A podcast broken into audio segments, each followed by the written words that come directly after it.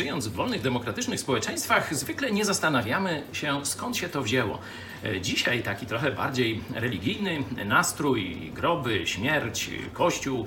E, Pozwolę Wam sobie przypomnieć, skąd w tych państwach Zachodu, do których Polska też cywilizacyjnie należy, wzięła się wolność, demokracja, społeczeństwo obywatelskie.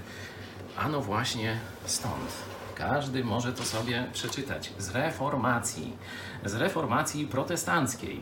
Wtedy odrzucono feudalizm, dominację nad naszym sumieniem, nad naszym życiem e, kleru Kościoła Rzymskiego i papieża. Wtedy zwróciliśmy się do osobistej odpowiedzialności przed samym Bogiem. To był początek wolności.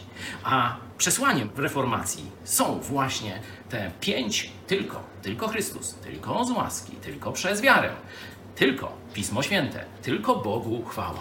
Na tym zbudowana jest nasza zachodnia wolność.